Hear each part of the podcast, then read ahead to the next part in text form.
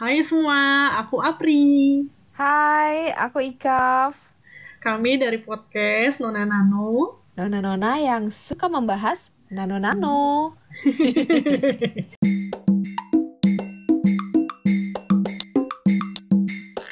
Jadi hari ini kita akan ngebahas sesuatu yang hampir semua orang pernah melalui, yaitu patah hati.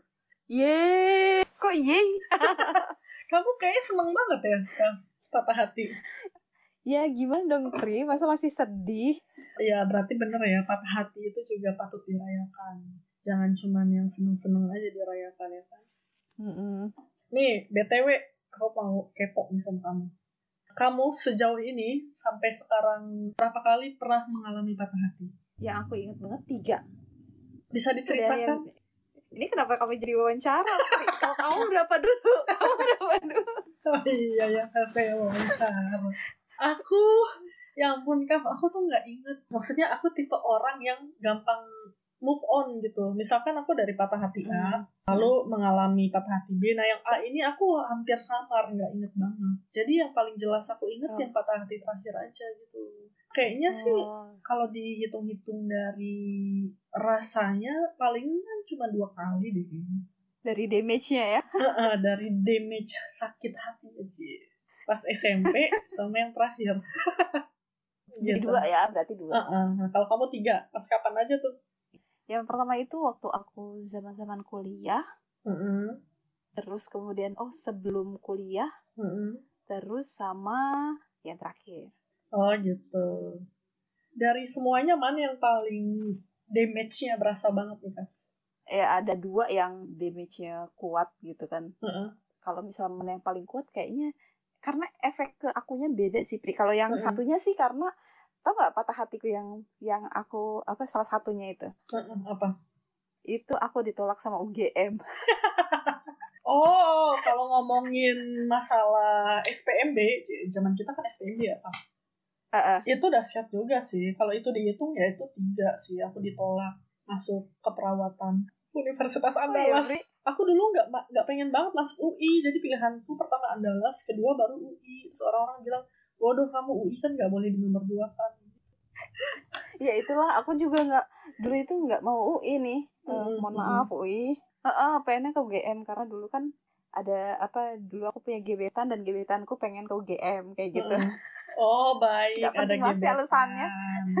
tapi akhirnya sih nggak juga dia juga nggak ke UGM gitu. Hmm. dan aku juga gagal ke UGM gitu. tapi Oh. ya udah eh, karena aku tetap dapat jurusan yang aku inginkan Mm-mm. jurusan sastra Mm-mm. gitu sa- aku pengennya sastra Indonesia dan itu Hmm. aku dapat Mm-mm. jadi ya udah nggak dapet UGM nggak apa-apa karena jurusannya toh yang aku pengenin Dan tetap di gitu. Jakarta ya, di UNJ.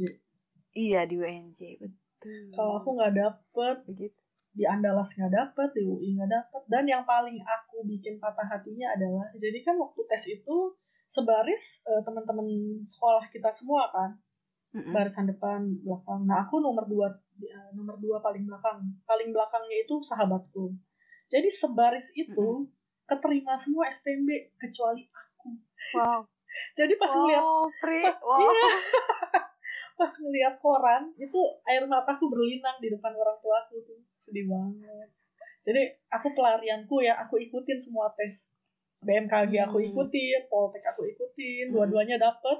Tapi aku pilihnya Poltek daripada BMKG.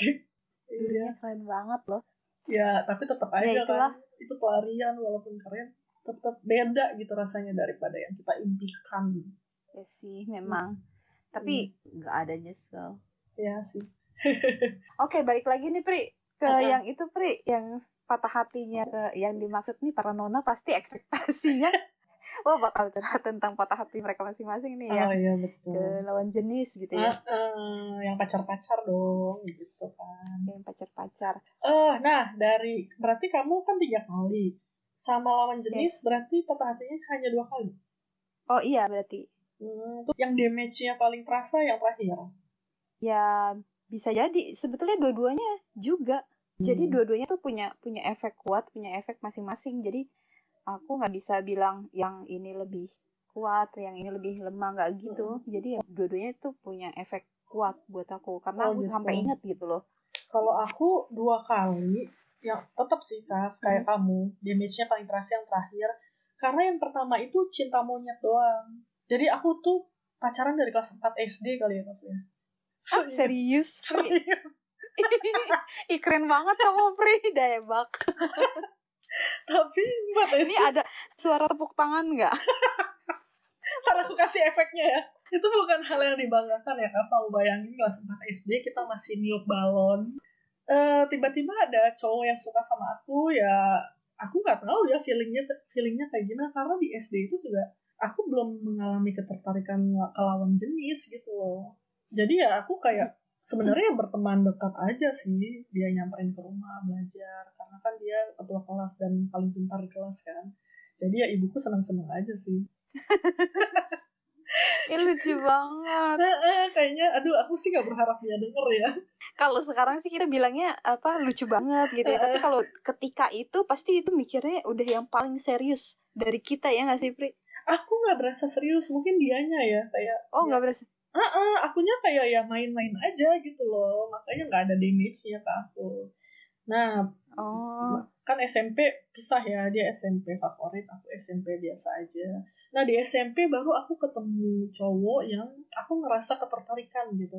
Pengen sama dia terus merasa dia tampan. Kayak kayak gitu sedangkan SMA sampai kuliah aku nggak pacaran serius lepas kuliah kerja baru deh kenal cowok serius tapi itu juga nggak ada yang berkomitmen lah istilahnya aku tuh jadi ya ya udah makanya efeknya terakhir terakhir itu juga bukan komitmen tapi aku ngerasa itu deep banget sih hubunganku sama dia jadi sakit hatinya parah kalau kamu gimana Kalau aku waktu itu kayak forever single gitu ya. Karena dulu emang waktu sekolah tuh punya cita-cita kayak yang nggak mau pacaran kayak. Ya aku suka suka sama orang, tapi ya udah suka aja gitu. Tapi nggak yang aku harus eh, pacaran sama dia atau harus deketin dia atau harus menampakkan perasaanku kayak gitu. Nah, tapi karena itulah kemudian aku jadinya aku ngerasa salah salah langkah gitu ibaratnya. Paling enggak maksudnya harusnya tuh ada adalah dari perasaanku yang kelihatan kayak gitu Hmm. nggak usah yang terlalu dulu kan aku denial gitu loh Iya. Kayak anak SD jadinya yang ih lu suka ya sama dia enggak enggak apa sih yang kayak gitu itu tuh itu sampai yang kuliah lah itu masih yang kayak gitu gitu kan Hmm. Heeh. jadi ya aku deket sama orang cuma aku kegeeran kegeeran dalam artian aku nggak nggak tahu persis sih perasaan orang itu tuh seperti apa nah aku Mm-mm. pikir kita tuh kayak hampir hampir jadi kayak gitu terus jadi aku patah hati bahkan bukan sama pacar gitu kan. Sama orang yang Hmm. aku pikir dia akan suka kamu balik. jadi kenapa? Sama orang yang suka kamu balik gitu. Maksudnya dia nggak pernah yang bikin pengakuan yang kayak orang-orang Oh, ke aku. tapi maksudnya jadi bahasanya dia tuh bahasa kasih perhatian terus nganterin apa segala macam kayak gitu loh Hmm. nurutin aku maunya apa kayak gitu. Lebih eh, eh, lebih ke as ke aksi kayak gitu. Tapi dia nggak pernah Oh. ngomong. Sampai suatu ketika Mm-mm. Eh, kami lost kontak lama Mm-mm. terus aku bertanya-tanya kenapa dia kan karena aku denial tadi dan Hmm. aku hampir tidak pernah menelpon duluan gitu ya dulu Hmm. zamannya telepon umum Mm-mm. nah terus kemudian sampai akhirnya aku nelpon duluan gitu kan Mm-mm. nah terus dia bilang jangan telepon gue lagi gue nggak gue nggak enak sama pacar gue kayak gitu kan terus aku yang hah maksudnya lu selama ini deket sama gue terus kemudian lu bilang lu punya pacar juga enggak menunjukkan Mm-mm. juga enggak kayak Mm-mm. gitu gitu nah terus Hah? Hmm. terus ya udah gitu kan ya udah segala macam nah terus eh, kenapa aku ingat banget? Karena aku ketika itu pernah sampai eh, hilang ingatan gitu loh Pri. Apa tuh? Kamu kejeduk sesuatu? Kayak di enggak enggak enggak kayak di TV TV gitu kan. Ini bener ini bener. Jadi sebelum ada lagunya si Gesha yang lumpuhkanlah ingatanku itu Mm-mm. itu aku pernah gitu. Jadi tapi agak agak kocak gak kayak drama di televisi gitu ya. Mm-mm. jadi cuma nyebrang jembatan penyeberangan itu seberapa sih? Segitu kan? Mm-mm. nah sepanjang itu Mm-mm. aku lupa. Lupanya itu aku ingat aku eh, TK di mana SD di mana SMP di mana kuliah di mana aku ingat. Tapi yang los adalah SMA Hmm. jadi aku ngeliat ada orang pakai seragam putih abu-abu terus aku mikir ih jadi pengen inget masa SMA eh dulu SMA gue di mana ya? Di mana sih SMA gue? Eh gue SMA nggak sih? Tapi kan gue kuliah nggak mungkin kalau nggak SMA SMA gue di mana? Kayak gitu. Jadi uh, bukan cuma satu orang hmm. tapi seluruh kenangan ketika SMA itu aku lupa sama sekali. Itu efek yang pas kamu abis nelpon terus jadi lupa ingatan gitu. Uh, uh, itu jangka panjangnya pri jadi oh. karena aku di dalam diriku mungkin nggak nggak terima gitu loh mm-hmm. terus aku aku masih melakukan beberapa upaya untuk kayak memperjelas kayak mm-hmm. gitu terus maksud lu tuh apa ya kayak gitu-gitu segala macem oke okay. jadi aku gantian yang sering kontak yang kayak gitu tuh loh mm-hmm. Maksudnya aku maksudnya mm-hmm. masih cari tahu nih bener apa enggak karena ya kompleks lah ininya di aku sama dia agak kompleks dan dia ngerasa kayak kalau kalau cerita ke orang lain ya ada sih dia kayak gap ke aku gitu loh tapi itu nggak nggak dia omongin nah hmm. sementara maksudku aku pengen duduk di depanku kita duduk bareng kita ngomong nah itu nggak itu nggak dapat dan ternyata masuk ke alam bawah sadarku oh. gitu deh jadinya okay. itu hasil analisisku sih sendiri aku aku nggak ke psikolog nggak ke psikiater agak parah juga ya Kak? makanya aku bilang itu jadinya nggak bisa aku perbandingkan gitu karena hmm. efeknya tuh itu itu sama orang yang pertama ya? Iya. Nah, abis itu uh, aku kalau ketemu sama orang, nah biasanya aku akan menampakkan. Biar menampakkan biar jelas ya. Jadi kamu punya pengalaman ya. kalau ke depannya kalau kamu suka sama orang, kamu harus tunjukin dengan jelas. Biar nggak kejadiannya ya. kayak kemarin itu. Ya, nggak ada yang ditahan. Jadi benar-benar lost, oh. lost doll.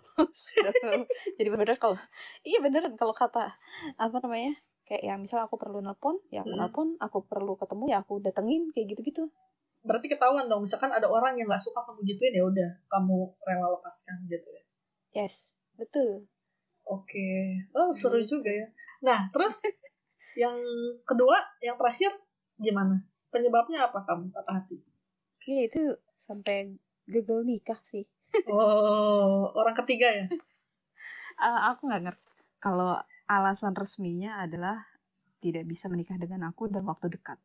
Jadi oh. beda tujuan. Tapi kamu belum lamaran kan, Kal? Uh, belum belum waktu itu pertemuan keluarga aja sih. Iya dan udah beli-beli seserahan. Itu gitu. udah uh, uh, itu udah uh, udah mulai. Iya aku ingat sih. Itu udah mulai. Uh, cuma cuma ya itu penyebabnya kayak gitu deh. Kayaknya emang beda goal, beda hmm. tujuan gitu kan.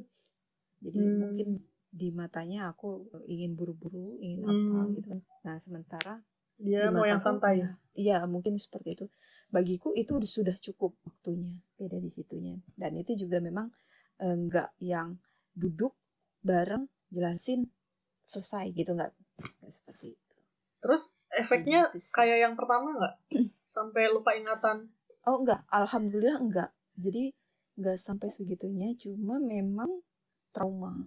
Kalau ketemu sama orang baru misalnya nih aku ketemu hmm. orang baru itu apatis. Bahkan sampai aku dilamar pun. Jadi aku baru ngasih tahu ke sahabat-sahabat terdekatku itu setelah acara selesai. Uh, dilamar acara sama suami yang sekarang ya? Ya karena itu terlalu takut gitu. Ketakutan aku bakal jatuh lagi gitu kan. Oh bakal gagal bakal lagi sakit gitu ya? lagi.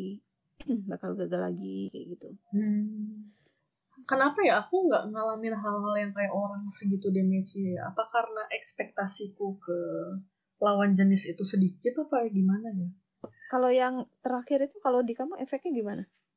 Jadi aku selama ini yang aku ceritain tadi kan pertama kali naksir SMP terus SMA aku bener-bener nggak naksir orang walaupun ada ada yang orang yang nyatain ke aku gitu karena di SMA itu aku dalam masa teenagers yang insecure banget sama status sosial keluargaku. Jadi aku ngerasa teman-temanku itu ekonomi dan sosialnya di atasku. Jadi aku nggak berani membuka diri untuk disukai sama lawan jenis gitu loh. Aku suka, aku bilang ke teman-temanku, ibu lagi naksirin ini. Tapi aku nggak berekspektasi untuk pacaran sama dia. Ya, ya. Uh -uh, ngerti kan? Tuh SMA aku. Uh -uh, jadi kayak anak SMA yang mm, kakak kelas lucu gitu oh dia keren banget sih gitu, -hmm. gitu doang tapi aku cuma itu ah udah gitu nah. aja kuliah juga kan aku nggak bergaul sama lawan jenis yang banyak itu paling lulus kuliah suka-sukaan aja nah itu pernah patah hati juga sih eh bodoh sih aku ngerasa itu bodoh banget kok bisa aku patah hati sama orang kayak dia sekarang ya tapi ya itu udah terlewati Mm-mm. karena ya dia kayak cowok yang emang gampang naksir ke semua orang gitu aja lah aku taunya. Terus aku kerja malah makin gak kenal sama lawan jenis gitu ya. Terus aku kenal yang terakhir itu karena aku melanjutkan kuliah kan. Aku dari Poltek D3 terus aku ngurusin S1 nah lucunya dari dulu aku selalu suka sama orang yang beda agama. Aku berhubungan sama orang yang beda agama itu dari semester dua apa ya? Ini orang yang pertama kalinya aku kasih tahu dengan jelas kalau aku suka sama dia jadi aku deketin duluan gitu loh aku nggak Hmm. pernah sama sekali kayak gitu ke cowok. Karena di kelas dia doang yang sama sekali nggak negor dan cari perhatian sama aku Wih, kesel kan ya. juga. Iya, aku juga. Dia tuh pokoknya dia intinya menarik perhatian dan aku berusaha deketin lalu kita deket. Terus ya itu kita di umur 20 akhir gitu kan lagi sama-sama lagi mengalami quarter life crisis gitu lah. Aku juga nggak butuh komitmen dia juga lagi galau terus kita beda agama. Jadi eh, keadaan yang emang kita tuh nggak bisa berkomitmen tapi kita ya udah sama-sama aja gitu dan sama sama-sama saling tahu endingnya akan kayak apa tapi tetap dijalani gitu Dia yang beda kota itu bukan sih, Pri? iya betul Iya ya. iya eh, udah beda agama, beda kota. sebenarnya nggak beda kota sih dulu dia kerja misalkan di Tangsel aku di Jakarta jadi ketemunya sekali sekali seminggu terus lalu dia memutuskan Hmm. untuk balik ke kotanya dan itu kita kadang masih suka berhubungan dia ke Jakarta aku ke sana gitu iya maksudnya dibilang hubungan kita nggak dalam juga nggak bisa dibilang kayak gitu dalam tapi juga bukan hubungan yang berkomitmen gitu loh Kak. terus pas sampai titik kita udah pernah pisah gitu loh kayak bisa ntar balik lagi dua kali balik lagi gitu nah yang terakhir udah kita Hmm. beneran pisah Eh, nah di situ damage-nya aduh pada saat itu aku Hmm. ngerasa nggak ada cowok yang kayak dia aku bisa ngomong eh, hal-hal yang apa aja kayak gitu kayaknya aku move on dari dia ketemu sama suamiku yang sekarang itu dua atau tiga tahun gitu lah. Bisa bener-bener lupa. Bisa sampai aku install yang namanya aplikasi online dating dan mau move on. Oh ya nih aku mau move on. Gitu. Mau kenal cowok baru deh gitu. Soalnya circleku sama cowok kan dikit ya. Maksudnya aku gak kenal banyak cowok. Gimana ya aku bisa Ah, ah, kenal ah. sama cowok? Ya udah aku aku diinstalin temenku online dating aku menyetujui dan ketemu lah sama Daniel sekarang gitu Tapi emang bener sih, Pri. Jadi kayak buat para nona nih di luar sana gitu kan Hmm. yang ya masih kuliah misalnya itu jangan kupu-kupu, jangan kuliah-kuliah pulang. iya kayak Kamu aku tuh ya perlu cari link gitu ya, link Iya. untuk pekerjaan, link untuk jodoh. bukan Mm-mm. apa-apa. Kalau Hmm. misalnya udah selesai kuliah, terus kamu kerja, iya kalau di tempat kerjamu tuh ketemu porsi jomblonya banyak. Iya gak sih stok jomblonya banyak. Kalau misalnya temanmu bapak-bapak, ibu-ibu kayak gitu, terus kerjamu dari Senin sampai Sabtu, terus nyari jodohnya kapan? Mm-mm. ntar kayak aku dapetnya di online dating Iya, tapi emang itu cara orang ketemu jodohnya sih Iya. emang beda-beda ya pria. iya nah kalau kamu kan dari patah hati yang terakhir sampai sama yang sekarang bisa move on itu berapa lama Berapa lama ya? Ya sama deh kayaknya dua dua atau tiga tahunan. Iya ya. Sebenarnya sih dua tiga tahun itu kita udah rela-rela aja ya Kak ya. Cuman untuk membuka ke orang barunya itu yang agak males ya. Iya, benar. Sebenarnya sih Ah. udah move on move on aja. Udah nggak ngerasa, maksudnya ngerasa sakit, enggak, Mm-mm, ngerasa suka, enggak, gitu netral gitu ya. Heeh, heeh. Ya aku sih agak unik tadi yang kamu ada efek patah hati kamu sampai lupa ingatan kayak gitu. Tapi di aku tuh nggak terlalu yang begitunya ya sampai ke psikis. Ada loh staff sahabatku itu efek patah hatinya sampai bikin dia kurus. Jadi dia nggak pernah kurus sama sekali, semok-semok aja badannya. Terus pas patah hati, patah hatinya parah banget sih kayak dia mergokin cowoknya di kosan sama cewek lain gitu. Dan dia bener-bener kurus sampai sekarang. Itu bisa kayak gitu. Sedangkan aku ngerasa sedih aja gitu, sedih gitu. Tapi nggak ada efek ke yang lainnya gitu. Mungkin itu ya beda-bedanya orang kenapa bisa ada efek patah hati yang segitunya sama yang kayak aku gitu aku tuh kayak mencari tahu itu apakah karena ekspektasinya atau karena apa ya? Gitu. Jadi aku pun waktu patah hati pun aku nggak curhat ke orang nangis nangis gitu loh. Aku nggak kayak gitu. Aku rasain sendiri Terus aja. jadinya oh jadi itu bisa dibilang cara kamu mengatasi patah hati patah hati? Aku kayak nangis sendiri dengar lagu kayak semua lagu patah hati itu aku banget aku rasanya. Ya nggak sih? Kamu gitu oh relate nih relate terus kalau cara aku Hmm. ya aku cerita sih pri justru oh iya iya iya. cerita Mm-mm. tapi kalau ada hal-hal yang nggak bisa aku ceritain Mm. aku nulis kalau di aku cara mengatasi ku patah hati tuh ya aku mengalir aja menjalani hari-hari tapi kayak bikin aku jadi lebih sibuk gitu loh makanya aku tuh eh, pas aku terakhir patah hati itu aku yang produktif banget eh, mulai ngeblok di beauty gitu loh kang oh. Mulai mulainya aku jadi beauty blogger tuh pas patah hati gitu. Tuh kan para nona keren banget kan? Jadi gara-gara patah hati seorang Apri itu jadi beauty blogger sampai sekarang loh luar biasa.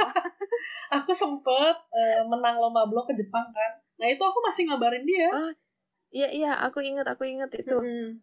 akhirnya aku ke Jepang soalnya kan dia udah pernah ke Jepang kan. Aku pamer gitu. Loh Mm-mm. Udah sebatas itu aja gitu. Emang udah menjauhkan rasa tapi aku nggak berusaha banget melupakan gitu. Itu malah bikin aku jadi nggak move on ya. Jadi kayak biasa aja gitu. Dia kayak oh ya orang yang kita udah nggak bisa berkasih sayang istilahnya. Jadi aku mau kayak biasa aja biar rasanya itu lama-lama hambar gitu. Mm, Kayak netral gitu. gitu. Hmm, netral gitu. Cuman emang aku kan gak kayak kamu ya kasusnya yang emang sangat sakit hati jadi aku bisa bersikap kayak gini gitu. Jadi aku ngerasa nih ya Kak, damage sakit hati itu tergantung bagaimana ekspektasi kita terhadap hubungan tersebut. Ya gak sih? Bisa jadi. Aku kan emang di hubungan itu nggak berharap apa-apa kan. Aku nggak berharap kita akan menikah karena ya gimana juga susah aku nggak. Aku berharapnya sama dia terus tapi aku juga ada pikiran kayak gimana gitu. Jadi ya udah kayak santai aja ya udah nih emang akan berakhir. Terus aku punya pikiran nggak sama dia pun aku optimis pasti ke depannya aku akan bertemu lagi kok dengan orang yang tepat kayak gitu. Itu sih yang bikin aku sakitnya tuh yang tidak terlalu sampai psikisku kena terus sampai aku jadi lebih kurus atau lebih menggendut gitu ya. Gendut. itulah beda-beda gitu. Dan kita nggak bisa ini juga ya Pri kayak yang ya ewas cuma patah hati. Iya. Gitu. Ntar juga ini gitu kan. Udah lupain aja. Yang kayak gitu kita nggak bisa juga ya Pri ya. Iya. Kalau iya aku sih mikirnya kayak gitu. Maksudnya tiap orang kan punya damage-nya beda-beda gitu kan. Iya. Pasti di luar sana juga ada orang yang kayak aku ada ada ada orang yang kayak Apri atau malah Iya. kayak eh, di tengah-tengah kita kayak gitu kan. Dan Heeh, ada yang lebih parah sampai kita- bunuh diri mungkin gitu ya. Jadi ya ya kita Iya. nggak bisa mengkerdilkan rasa patah hati di tiap orang gitu sih mentang-mentang kita gampang melaluinya jadi menurutku kamu itu lebay ya nggak gitu juga sih Heeh, jadi mungkin kan salah satu bentuk penghiburan kadang-kadang tuh dari Mm-mm. orang tuh udah lupain aja kayak gitu doang misalnya kayak gitu kan Heeh. udah lupain aja lupain aja ya tujuannya sih baik gitu ya Pri ya untuk Mm-mm. menghibur tapi nggak dapet gitu. Bukan bukan itu sih sebetulnya kalau iya. kalau aku di posisi eh, ketika aku patah hati terus aku digituin itu kayak yang nggak gimana ya? Nggak menghiburku sama sekali dan nggak membantu meringankan justru gitu iya kan. betul. Ih kayak yang ih lu lebay banget gitu kan Mm-mm. sampai sebegitunya gitu. Ada orang yang patah hatinya pakai eh, bikin status terus Mm-mm. kemudian dia eh, nampilin video nangis misalnya Mm-mm. seperti itu ya itu itu caranya dia mengatasi gitu loh. Cara Apri tadi beda gitu kan cara aku juga tadi beda gitu kan. Iya. Tiap orang beda dan kalau ketemu orang yang patah hati kita jangan menghakimi bahwa yang ah lu tuh nggak seberapa. Kadang-kadang kayak lu tuh masih enak lo lu tuh masih Heeh. gampang lo gue tuh dulu kayak gitu. Ya setiap masalah apa pun kalau ada orang yang ngerasa dia lebih-lebih kayak kita males gitu gak sih? Iya deh emang lu yang paling-paling gitu sampai urusan patah hati pun mau menang gitu kan. Heeh, dikompetisiin ya. Iya patah hatian gue lo pri. Iya makanya. Kan ada orang bilang ya kak ya seberapa pun kamu sukanya sama itu orang kalau emang nggak jodoh ada aja halangan iya Heeh. bener banget. Tapi seberapa pun kita apa berusaha mengelak. Heeh, berusaha mengelak tapi kalau jodoh ada aja jalannya gitu. Loh aku sih lucunya waktu ke Daniel sih maksudnya aku pacaran gak nyampe setahun loh tapi kayak udah dimudahin aja mau lamaran aja kayak cuman omongan lagi nyetir gitu. Eh ulang tahunku nih April. Gitu kita sekalian lamaran aja apa ya? Aku yang ngomong gitu. Terus oh ya udah. Padahal tadinya tadinya kamu nggak ber- berekspektasi untuk menikah gitu ya? Iya aku tuh dari setiap berhubungan sama orang aku gak pernah berekspektasi untuk menikah sama sekali Hmm. gitu loh. Aku bukan tipe orang yang mengidam-idamkan pernikahan gitu. Selalu yang aku pakem dulu nih maksudnya sama dia kompak gitu. Emang dia buat aku aku buat dia dan bisa melalui hidup ke depannya akan bareng terus bisa memikirkan pernikahan gitu ya. Makanya aku tiap berhubungan sama orang nggak pernah goalku sama dia harus menikah gitu. Enggak sih. Jadi makanya pas sama Daniel itu aku juga nggak tahu kok bisa keluar omongan kayak gitu. Kita lamaran aja apa ya pas aku nikah gitu jadi kamu ngaduin akunya cincin lamaran daripada beli-beli kado yang lain gitu. Eh, itu tadi pi selama kamu mengenal Daniel itu sebelum kamu menikah itu pernah patah hati gitu gak sih? Eh enggak. Mungkin karena kita udah sama-sama tua kali ya kak nggak ada kata putus nggak ada drama-drama sama mantan gitu nggak ada. Ya udah lempeng-lempeng aja gitu berdua. Ya kan Jadi- kalau sebelumnya kan yang putus nyambung putus nyambung gitu kan Mm-mm, mm-mm, mm-mm. Kalau berantem sih ada ya, ya namanya juga dua kepala dijadiin satu gitu kan. Aku sama Daniel nggak pernah ngalamin yang patah hati, kecewa, terus Mm-mm. sampai mau mengakhiri hubungan. Enggak sih, kayak udah lurus-lurus aja, maju-maju aja gitu. Mm-mm. Kalau kamu sama Iya sih. Abang Reno, kalau kamu tadi nggak sampai satu tahun bahkan kalau aku nggak sampai tiga bulan. Jadi itu pepatah mujarab banget gitu loh. Kalau emang udah jalannya ya para nona kalau udah Hmm. jalannya itu tuh hitungannya aku nggak pacaran bahkan sama Hmm. eh, Reno gitu kan. Karena kan kenal terus kemudian memang langsung aku tanya komitmen itu barangkali kalau orang lain di luar sana akan apaan sih ini cewek? Baru ketemu sekali dua kali udah nanya komitmen gitu kan. Karena sebelum ketemu sama dia nih aku ketemu sama orang yang bahkan belum ketemu terus dia ngelamar aku lewat line coba kan stres. Iya, itu stres. Terus aku bilang eh nggak bisa mas mas harus ketemu dulu sama saya gitu kan Iya, Nah, betul. terus itulah habis itu habis ketemu ya itu kan kabur gitu entah nggak ada kabarnya Hmm. nah jadinya ketemu sama Reno aku tanya gitu goalnya apa Heeh. ternyata cerita kami sama gitu kan Eh, kami sama-sama punya luka Heeh. terus eh, ya udah sama-sama nggak suka yang banyak ini itu ini itu gitu Heeh. jadi ya udah set set set abis ketemu berapa kali terus dia ngelamar terus abis itu akad udah Hmm. tiga bulan tuh bulan Iya pertama kenal bulan kedua lamaran bulan ketiga nikah ini salah satu manfaat dari patah hati kali ya Kak. Karena kita udah pernah ngalamin, jadi kita shortcut aja gitu sama yang baru. Mungkin kita udah memotong hal-hal yang nggak penting lagi nih kalau mau hubungan serius. Bukan berarti kita cepet-cepet kayak terburu-buru gitu ya Kak ya. Tapi kita juga prepare kan apa aja yang mesti kita komunikasiin sama dia. Ya yang penting kan dua-duanya Ah. sama-sama tulus nih ya. Emang mau berjalannya ke pernikahan gitu. Nggak ada yang ditutupin, nggak ada maksud lain dari pernikahan ini apa sih gitu. nah setelah kamu angkat kayak gitu aku jadi mikir bahwa patah hati ternyata ada manfaatnya gitu. Kalau aku pikir tadi emang ada manfaatnya ya aku ngalamin itu gitu loh. Iya. iya benar-benar ini salah satu nggak tahu sih ya ini di aku ya salah satu indikasi kalau kita tuh akan berjodoh sama seseorang. Kayak kita diem aja berjam-jam sama dia tuh betah gitu. Ngomongin apa aja. Iya. Dan aku tambahin pri tenang dan tenang. Iya Jadi, tenang. nggak ada tenang, kegelisahan. nggak gelisah nggak ngerasa posesif nggak iya, merasa betul. harus diposesifin yang kayak gitu.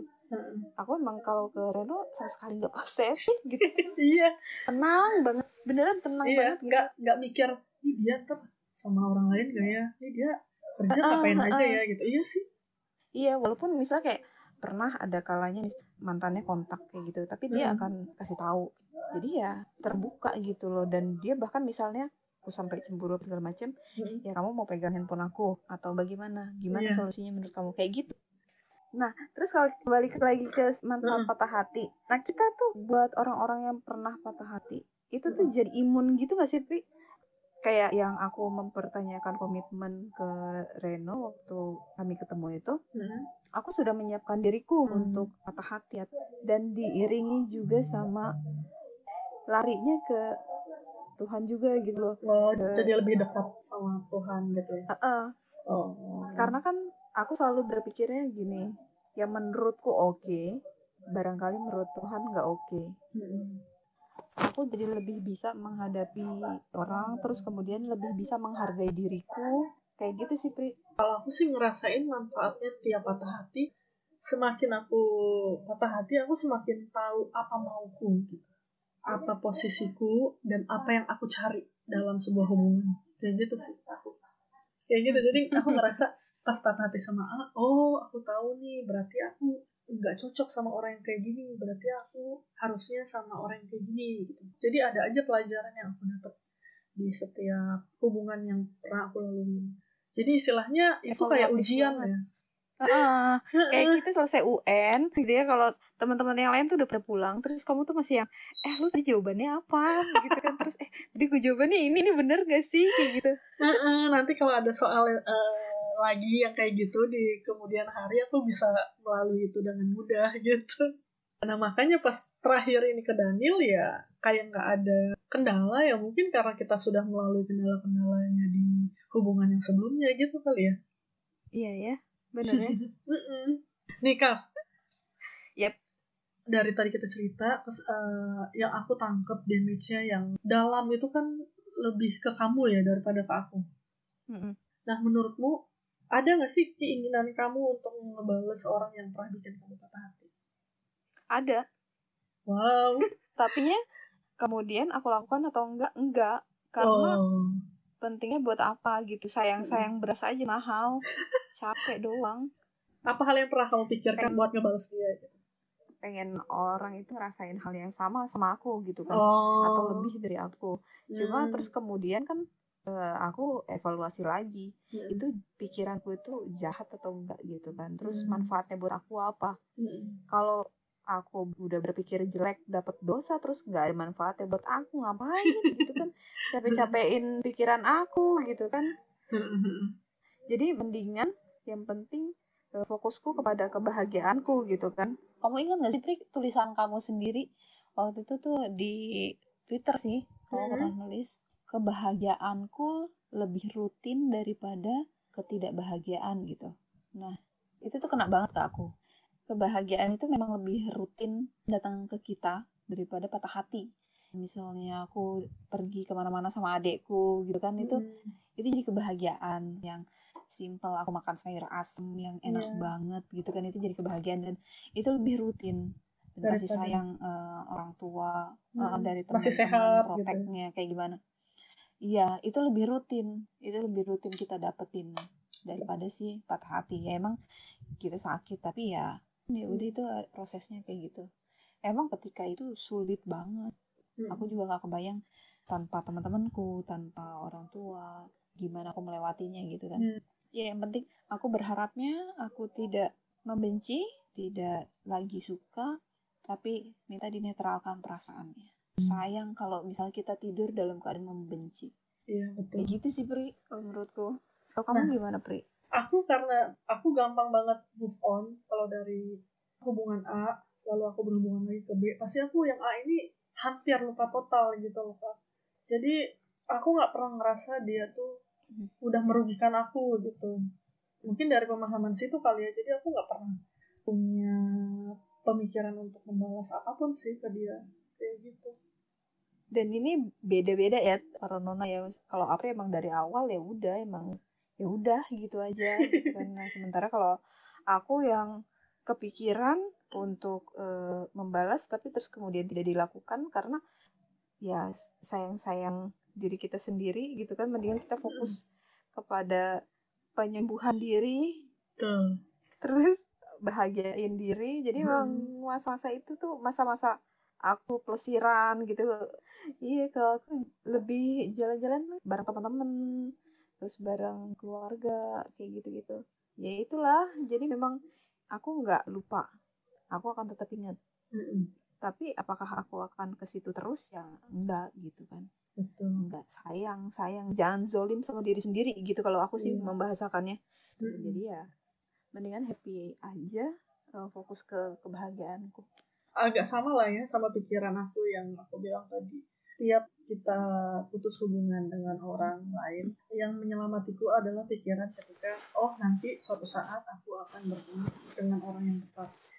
Gitu. Jadi aku nggak iya. berlarut-larut. itu juga perlu ditanemin tuh buat teman-teman yang masih patah hati misal kayak gitu kalau mau dinikmati patah hatinya ya monggo tapi sambil disusun juga dalam pikirannya bahwa kita akan ketemu orang Yang, yang tepat. Baik buat kita yang Hmm. tepat benar Hmm. dan fokuslah sama kebahagiaan kita yang rutin Iya. Manusia ini kan hidup terus berjalan ya Kak. Ya, Kita juga nggak tahu kan nanti ke depannya kayak gimana. Pikiran-pikiran positif tersebut sih sebenarnya yang nyelamatin kita terus. Setiap kita tersandung, setiap kita patah hati kayak gitu.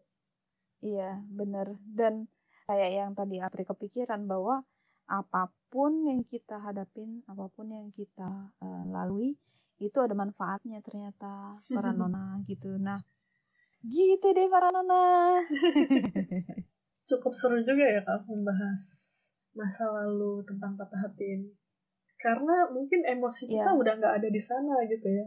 Jadi kita Betul. ngomongnya kayak netral aja gitu. Santai. Heeh, Betul, santai.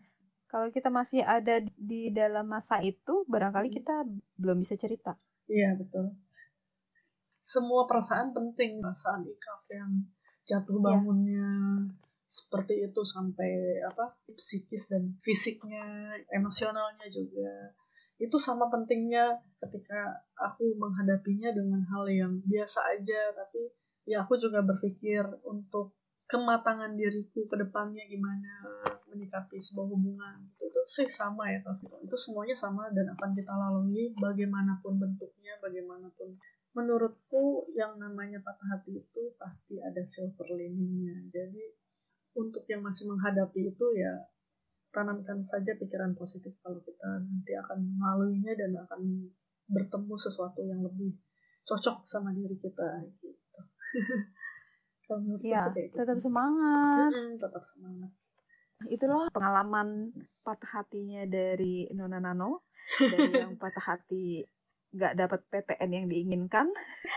sampai suami sampai tidak diinginkan. kemudian direncanakan tidak oh ya direncanakan. direncanakan nah kayak gitu jadi emang dan tiap orang itu punya masalahnya beda-beda dan daya tahannya beda-beda cara mengatasinya juga beda-beda yes nah dan selalu percaya bahwa setiap hal yang kita lalui itu pasti ada manfaatnya.